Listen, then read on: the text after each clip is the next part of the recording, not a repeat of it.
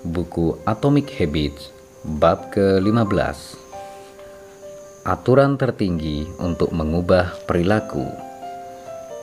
Pada akhir 1990-an, seorang praktisi kesehatan umum bernama Stephen Lobby meninggalkan kota tempat tinggalnya di Omaha, Nebraska, dan membeli tiket satu kali jalan ke Karachi, Pakistan. Karachi adalah salah satu kota terpadat di dunia. Pada 1998, lebih dari 9 juta orang tinggal di sana. Kota itu pusat perekonomian bagi Pakistan. Selain simpul transportasi, termasuk di antaranya beberapa bandara dan pelabuhan paling aktif di kawasan itu. Di bagian kota yang bernuansa komersial, Anda dapat menemukan semua kenikmatan yang lazim ada di perkotaan dengan jalan-jalan yang ramai. Namun, Karachi juga salah satu kota besar yang paling tak layak huni di dunia. Lebih dari 60% penduduk Karachi tinggal di hunian liar dan kumuh. Lingkungan tempat tinggal yang sangat padat ini penuh gubuk sederhana yang terbuat dari kardus, batu bata, dan bahan-bahan sisa lain. Tidak ada sistem pembuangan air limbah, jaringan listrik, dan fasilitas air bersih. Ketika sedang kering, jalan-jalan merupakan perpaduan antara debu dan sampah. Sedangkan ketika basah, jalan-jalan menjadi seperti selokan lebar berlumpur. Sarang nyamuk ada di tempat-tempat yang selalu tergenang air, sedangkan anak-anak bermain di antara sampah. Kondisi yang sangat kotor itu membuat penyakit mudah menyebar. Sumber-sumber air yang tercemar menimbulkan epidemi diare, muntah, dan sakit perut. Hampir sepertiga anak yang tinggal di sana kurang gizi dengan begitu banyak orang berimpitan di tempat yang sangat kecil, infeksi virus dan bakteri menyebar dengan cepat. Krisis kesehatan masyarakat inilah yang membuat Stephen Luby datang ke Pakistan. Luby dan timnya sadar bahwa di lingkungan dengan sanitasi yang buruk, kebiasaan sederhana seperti mencuci tangan dapat memberikan hasil nyata pada kesehatan penduduk. Di luar dugaan, ternyata penduduk bukannya belum tahu bahwa mencuci tangan itu penting, Kebanyakan orang sudah tahu, tapi banyak di antara mereka mencuci tangan dengan cara yang keliru. Ada yang hanya mencelupkan tangan sebentar ke air, ada yang mencuci tangan tapi hanya sebelah. Banyak yang sekedar lupa mencuci tangan sebelum menyiapkan makanan. Semua orang mengatakan mencuci tangan itu penting, tapi tidak banyak yang menjadikannya kebiasaan. Masalahnya bukan pengetahuan, masalahnya konsistensi. Saat itulah Luby dan timnya bermitra dengan Procter Gamble untuk memasok sabun Safeguard ke lingkungan tersebut. Dibandingkan sabun batangan biasa, memakai Safeguard adalah pengalaman yang lebih menyenangkan. Di Pakistan, Safeguard adalah sabun mewah, kata Luby kepada saya. Responden dalam survei umumnya mengatakan mereka sangat menyukainya. Sabun itu mudah berbusa dan orang dapat menyabuni tangan dengan busa baunya harum. Dalam seketika, mencuci tangan menjadi kegiatan yang lebih menyenangkan. Saya memandang sasaran promosi mencuci tangan bukan untuk mengubah perilaku, melainkan menjadikan menjadikannya kebiasaan, kata Luby. Jauh lebih mudah bagi orang-orang itu untuk memakai produk yang memberikan sinyal sensoris sangat positif, misalnya rasa mint pada pasta gigi daripada melakukan kebiasaan yang tidak menyediakan umpan balik sensoris menyenangkan, seperti membersihkan gigi dengan benang. Tim pemasaran Procter Gamble bercerita tentang upaya menciptakan pengalaman mencuci tangan yang positif. Dalam hitungan bulan, para peneliti menyaksikan perubahan yang cepat dalam kesehatan anak di lingkungan itu. Angka diare turun 52%, pneumonia turun 48%, dan MP3 infeksi kulit oleh bakteri turun 35%. Pengaruh jangka panjangnya lebih baik lagi. Enam tahun kemudian kami mendatangi lagi beberapa keluarga di Karachi, tutur Lubi. Lebih dari 95% keluarga yang pernah diberi sabun secara gratis dan diminta mencuci tangan memiliki tempat cuci tangan dengan sabun dan air ketika tim kajian kami berkunjung. Kami sengaja tidak memberi mereka sabun selama lima tahun Ternyata mereka sudah terbiasa mencuci tangan sehingga praktek itu terus dipelihara. Ini contoh yang sangat bagus untuk kaidah keempat dan terakhir dari perubahan perilaku menjadikannya memuaskan. kita lebih mungkin mengulang perilaku ketika pengalaman yang kita rasakan memuaskan. Itu sepenuhnya logis. Mereka menang, mereka senang, bahkan meskipun remeh seperti membasuh tangan dengan sabun yang harum berbusa banyak, menjadi isyarat bagi otak. Rasanya enak, lain kali dilakukan lagi. Kenikmatan mengajarkan pada otak bahwa suatu perilaku layak diingat dan diulang. Ambil cerita tentang permen karet Permen karet telah diperjualbelikan pada 1800-an, tapi baru ketika Wrigley meluncurkannya pada 1891, permen ini menjadi kebiasaan yang mendunia. Versi awal permen karet terbuat dari bahan kenyal yang relatif tanpa rasa, lembut tapi tidak berasa. Wrigley merevolusi industri ini dengan menambahkan rasa seperti spearmint dan juicy fruit yang menjadikan permen itu memiliki rasa dan membuat orang senang. Selanjutnya, mereka maju selangkah lagi dengan memperkenalkan permen karet sebagai cara untuk membuat mulut terasa bersih. Iklan-iklannya mengajak pembaca menyegarkan indera perasa mereka. Refresh your taste. Rasa yang lezat dan membuat mulut terasa segar adalah tambahan yang remeh. Tapi membuat produk ini memuaskan banyak orang konsumsi meroket dan Wrigley menjadi pabrik permen karet terbesar di dunia. Pasta gigi memiliki perjalanan yang hampir sama. Pabrik-pabriknya menikmati kesuksesan besar ketika menambahkan rasa-rasa seperti spearmint, peppermint, dan cinnamon ke produk-produknya. Rasa-rasa ini tidak meningkatkan kinerja pasta gigi, Rasa-rasa ini hanya menciptakan kesan mulut bersih dan menjadikan pengalaman menggosok gigi lebih menyenangkan. Istri saya berhenti menggunakan merek tertentu karena tidak menyukai rasa yang tertinggal setelah menggosok gigi. Ia beralih ke merek dengan rasa mint lebih kuat yang terbukti lebih memuaskan. Sebaliknya, kalau pengalaman tidak memuaskan, kecil alasan kita untuk mengulangnya. Dalam penelitian, saya mendapat cerita dari seorang perempuan yang memiliki kerabat narsistis dan membuatnya pusing tujuh keliling. Dalam upaya agar tidak menghabiskan banyak waktu bersama orang ini, ia berpura-pura menjadi orang yang sangat membosankan ketika sedang bersamanya. Dalam beberapa perjumpaan, orang tadi mulai menghindarinya karena merasa si perempuan sangat tidak menarik. Cerita-cerita itu merupakan bukti aturan tertinggi perubahan perilaku Hal yang mendatangkan ganjaran cenderung diulang, hal yang mendatangkan hukuman cenderung dihindari. Anda belajar tentang apa yang sebaiknya dilakukan pada masa mendatang berdasarkan apa yang membuat Anda mendapatkan ganjaran atau hukuman di masa sebelumnya. Emosi positif menyuburkan kebiasaan, emosi negatif membasmi kebiasaan. Tiga kaidah pertama perubahan perilaku menjadikannya nyata, menjadikannya menarik dan menjadikannya mudah, memperbesar kemungkinan suatu perilaku diterapkan saat ini. Kaidah perubahan kaidah keempat perubahan perilaku menjadikannya memuaskan, memperbesar kemungkinan suatu perilaku diulang pada masa mendatang.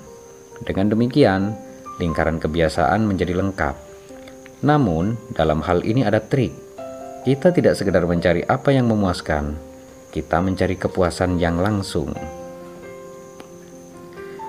ketidaksesuaian antara ganjaran langsung dan ganjaran tertunda. Bayangkan Anda seekor satwa yang mengembara di padang-padang Afrika, jerapah, gajah, atau singa. Pada suatu hari, sebagian besar keputusan Anda memiliki dampak langsung. Anda selalu berpikir tentang apa yang akan dimakan atau di mana akan tidur dan bagaimana menghindari predator. Anda terus berfokus pada masa kini atau masa depan yang sangat dekat. Anda hidup dalam situasi yang oleh ilmuwan disebut lingkungan dengan ganjaran langsung, karena aksi-aksi Anda langsung memberikan hasil yang cepat dan nyata. Sekarang, kembali ke Anda sebagai manusia. Dalam masyarakat modern, banyak pilihan yang Anda buat saat ini tidak akan memberikan manfaat langsung kepada Anda. Bila bekerja dengan baik di kantor, Beberapa pekan, beberapa pekan kemudian Anda baru memperoleh ganjaran. Bila berolahraga hari ini, barangkali Anda tidak akan kelebihan berat badan tahun depan. Bila menabung sekarang, mungkin Anda akan memiliki dana cukup untuk pensiun beberapa dasawarsa mendatang. Anda hidup dalam situasi yang oleh ilmuwan disebut lingkungan dengan ganjaran tertunda karena Anda dapat bekerja sampai bertahun-tahun sebelum tindakan-tindakan Anda memberikan ganjaran yang dimaksudkan. Otak manusia tidak berkembang untuk hidup di lingkungan dengan ganjaran tertunda. Fosil paling tua menurunkan manusia modern, dikenal sebagai Homo sapiens, berusia kira-kira 200.000 tahun Homo sapiens ini adalah manusia pertama yang memiliki otak yang relatif mirip dengan otak kita.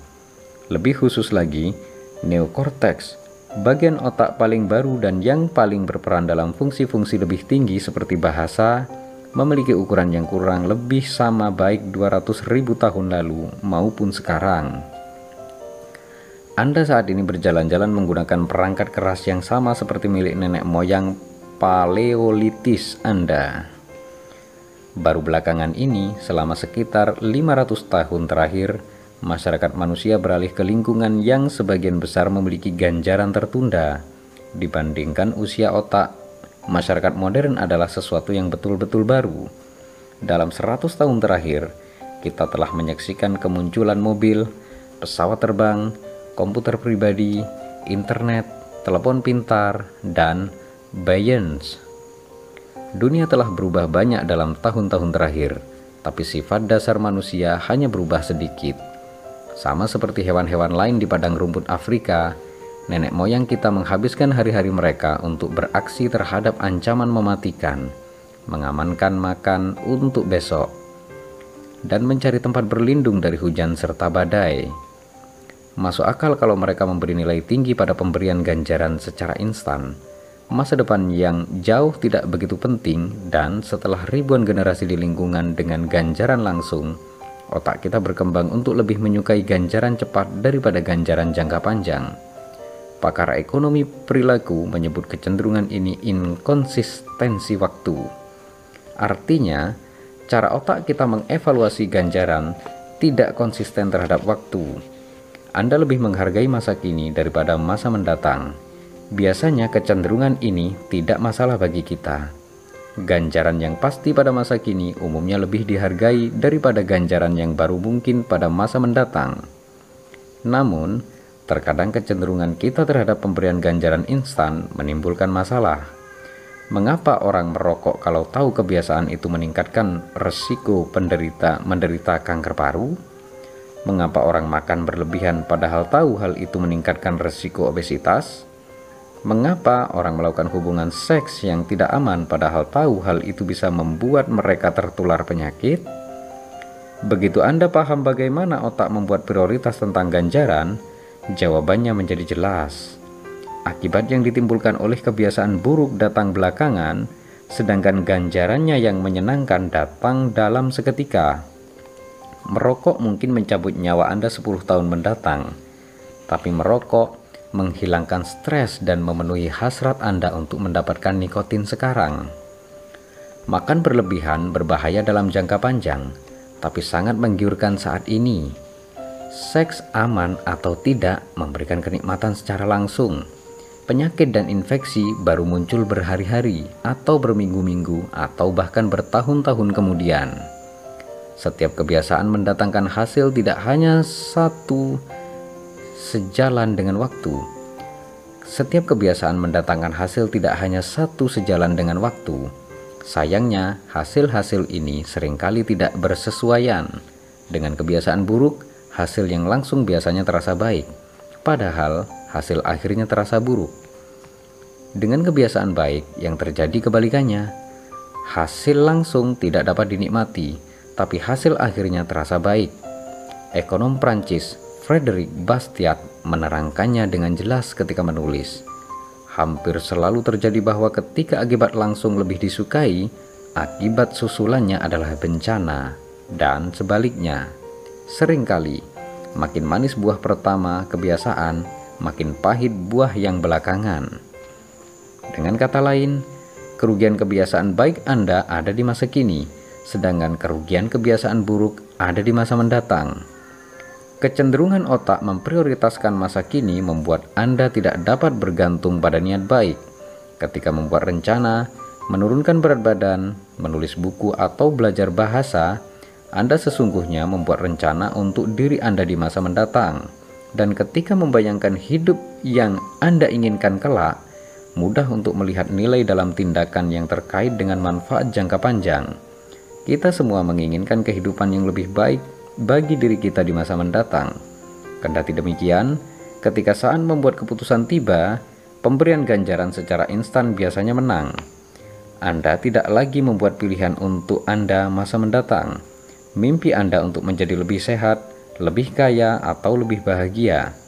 Anda memilih Anda masa kini yang ingin mendapatkan perhatian penuh, dimanja, dihibur. Sebagai aturan umum, makin langsung kesenangan yang didapatkan dari suatu tindakan, makin serius Anda harus bertanya tentang apakah itu selaras dengan sasaran-sasaran jangka panjang Anda. Dengan pemahaman yang lebih utuh atas apa yang menyebabkan otak mengulang sejumlah perilaku dan menghindari yang lain, mari kita memperbarui aturan tertinggi perubahan perilaku yang mendapatkan ganjaran langsung akan diulang, yang membuat kita dihukum secara langsung cenderung dihindari.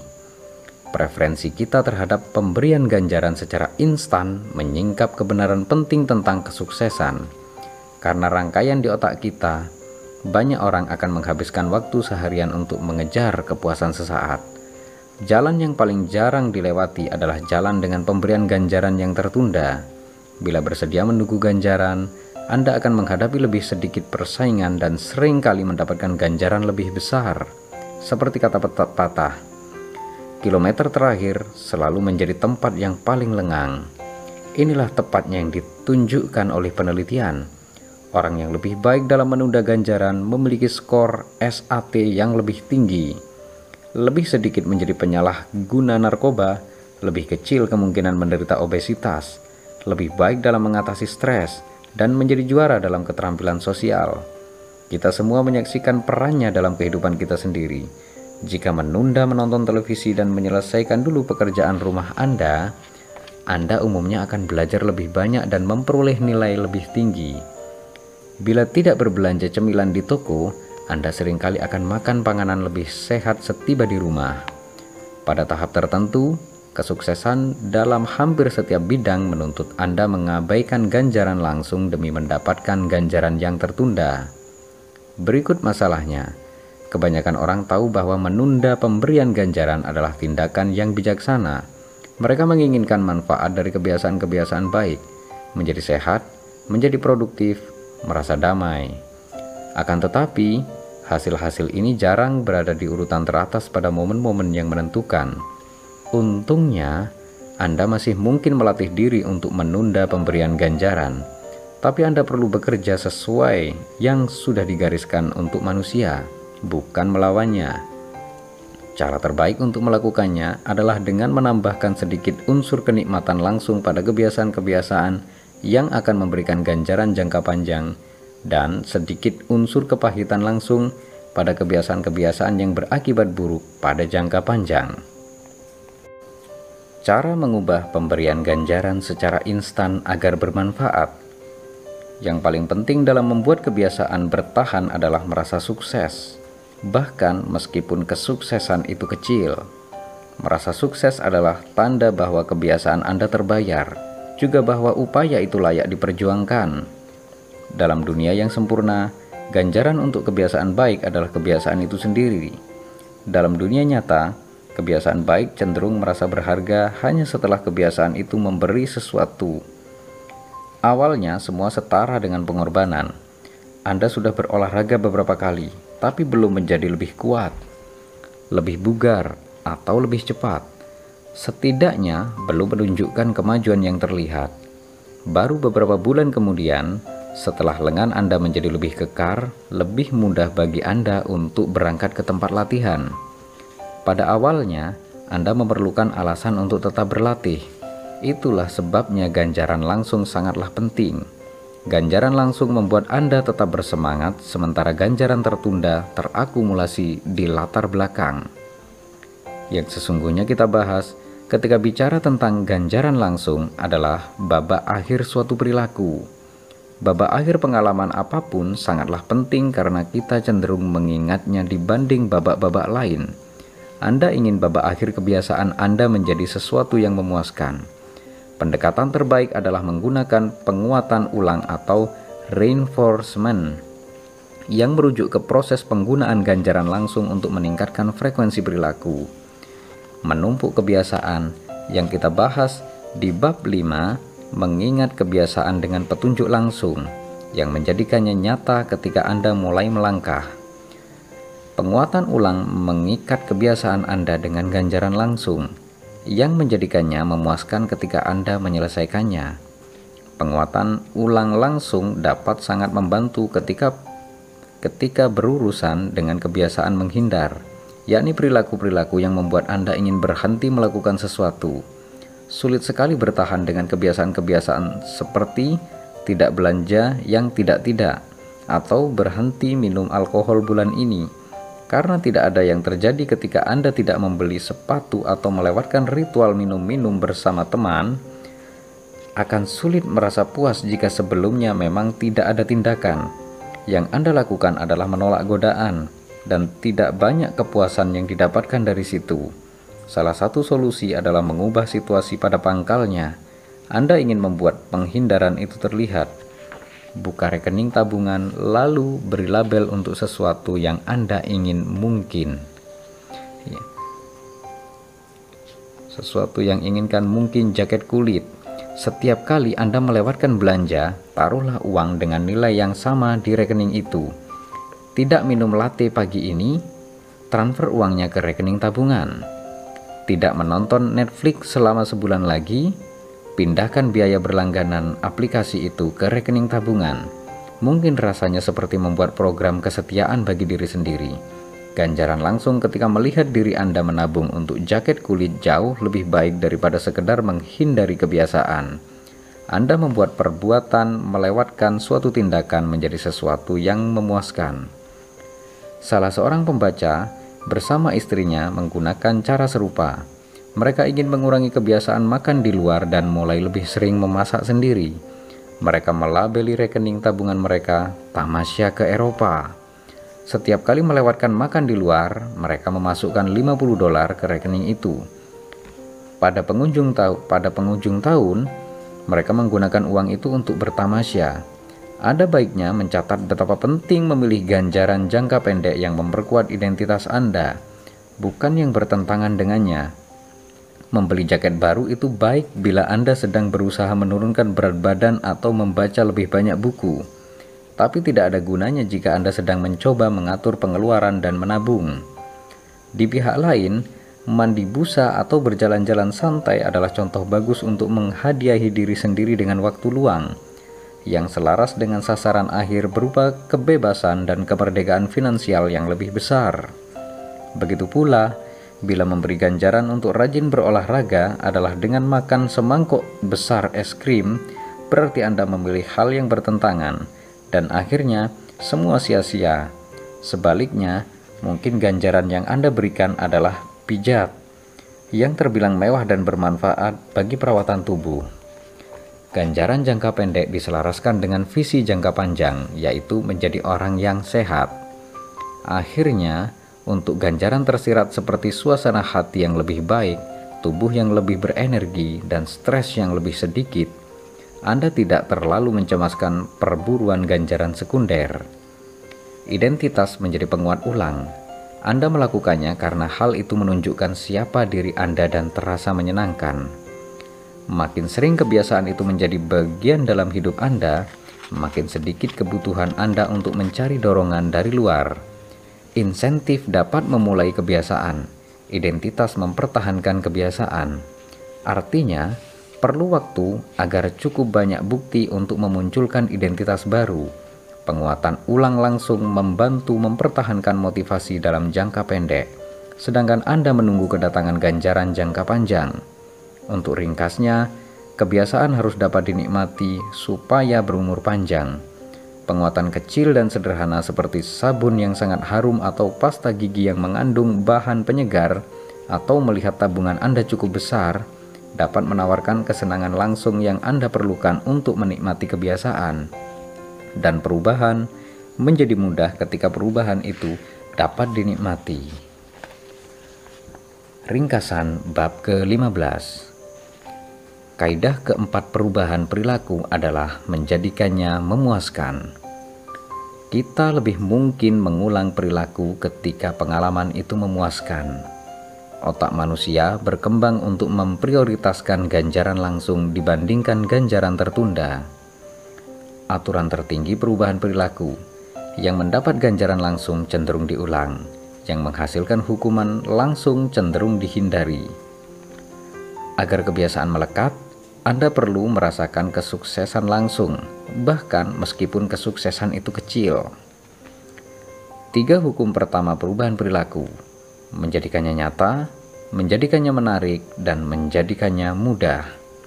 Memperbesar peluang perilaku akan dilakukan saat ini. Hukum keempat perilaku menjadikannya memuaskan, meningkatkan peluang perilaku diulang di masa mendatang. Terima kasih dan bersambung ke bab 16.